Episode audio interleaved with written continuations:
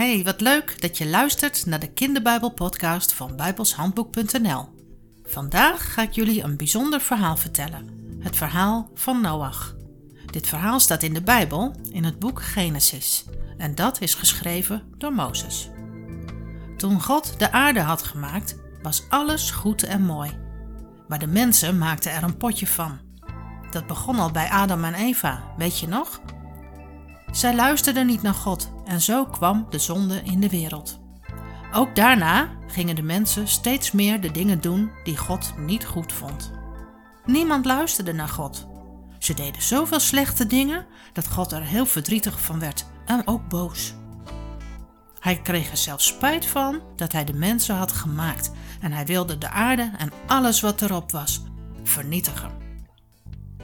God besloot gelukkig wel om opnieuw te beginnen, samen met Noach. Want Noach was anders dan de andere mensen. Hij hield van God en hij leefde op een andere manier. Hij leefde zoals God het had bedoeld.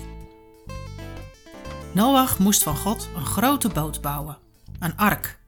Daarin zou hij samen met zijn familie gered worden. Ook de dieren mochten mee. God vertelde dat er een verschil was tussen reine dieren en onreine dieren. Reine dieren waren geschikt om te offeren, onreine dieren niet. Een voorbeeld van een rein dier was het schaap. En onreine dieren waren bijvoorbeeld varkens of zwijnen. In de ark mochten zeven paardjes, mannetjes en vrouwtjes dus, van alle reine dieren mee en één paardje van alle onreine dieren. God vertelde Noach precies hoe groot de ark moest worden en hoe het eruit moest zien. Hij moest heel lang worden, 150 meter lang en 25 meter breed en 15 meter hoog. Heel groot dus.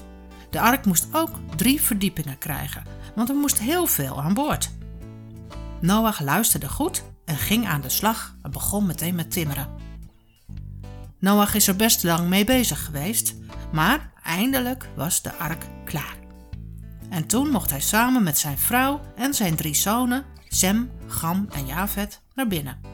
Ook de vrouwen van Sem, Gam en Javet mochten mee. Het hele gezin van Noach dus, en daarna ook de dieren. Toen iedereen in de ark was, sloot God de deur. En toen ging het regenen, veertig dagen en veertig nachten lang, en alles overstroomde. De ark bleef gelukkig drijven en binnen in de boot was het droog en veilig. Na die veertig dagen liet God het hard waaien en toen stopte het met regenen. Maar de hele aarde was bedekt met water. Het water was zelfs zo hoog dat de bergen onder water stonden. En dat duurde 150 dagen lang. En niets kon dat overleven. Alle mensen en alle dieren die achtergebleven waren. Alles ging dood. Maar eindelijk, heel langzaam, begon het water te zakken en de ark bleef vastzitten op de toppen van de berg van Ararat. Het duurde heel lang, maar eindelijk zag Noach weer iets van de aarde terug.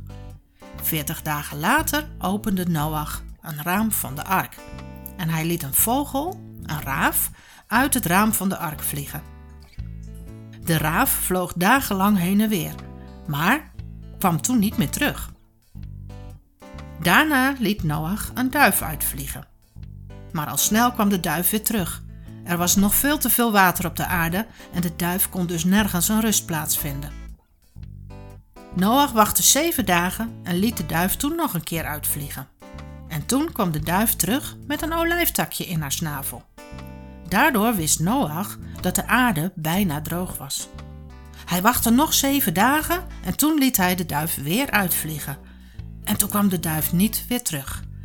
Daardoor wist Noach dat de aarde weer droog genoeg was. Toen zei God dat Noach uit de ark mocht gaan, samen met zijn familie en alle dieren. God zei dat alle dieren weer jongen zouden krijgen en dat er dus weer nieuw leven op aarde zou komen. Noach was daar erg dankbaar voor en hij bouwde voor God een altaar. Hij slachtte van de reine diersoorten één dier en offerde dat aan God. Toen maakte God een regenboog aan de hemel. En hij beloofde dat de aarde nooit weer op deze manier vernietigd zou worden. De regenboog was daar een teken van. Een regenboog, dat weet je natuurlijk wel, is een gekleurde boog in de lucht en die verschijnt als het regent en als tegelijkertijd ook de zon schijnt. Een boog met de kleuren rood, oranje, geel, groen, blauw, paars. Heel mooi om te zien. En die regenboog staat zo af en toe nog wel eens aan de hemel, toch? Nou, dan weet je nu ook waarom God die regenboog heeft gemaakt. De regenboog zegt dus iets over hoop en over de belofte van God. Tot zover. Volgende keer weer een nieuw verhaal. Tot dan.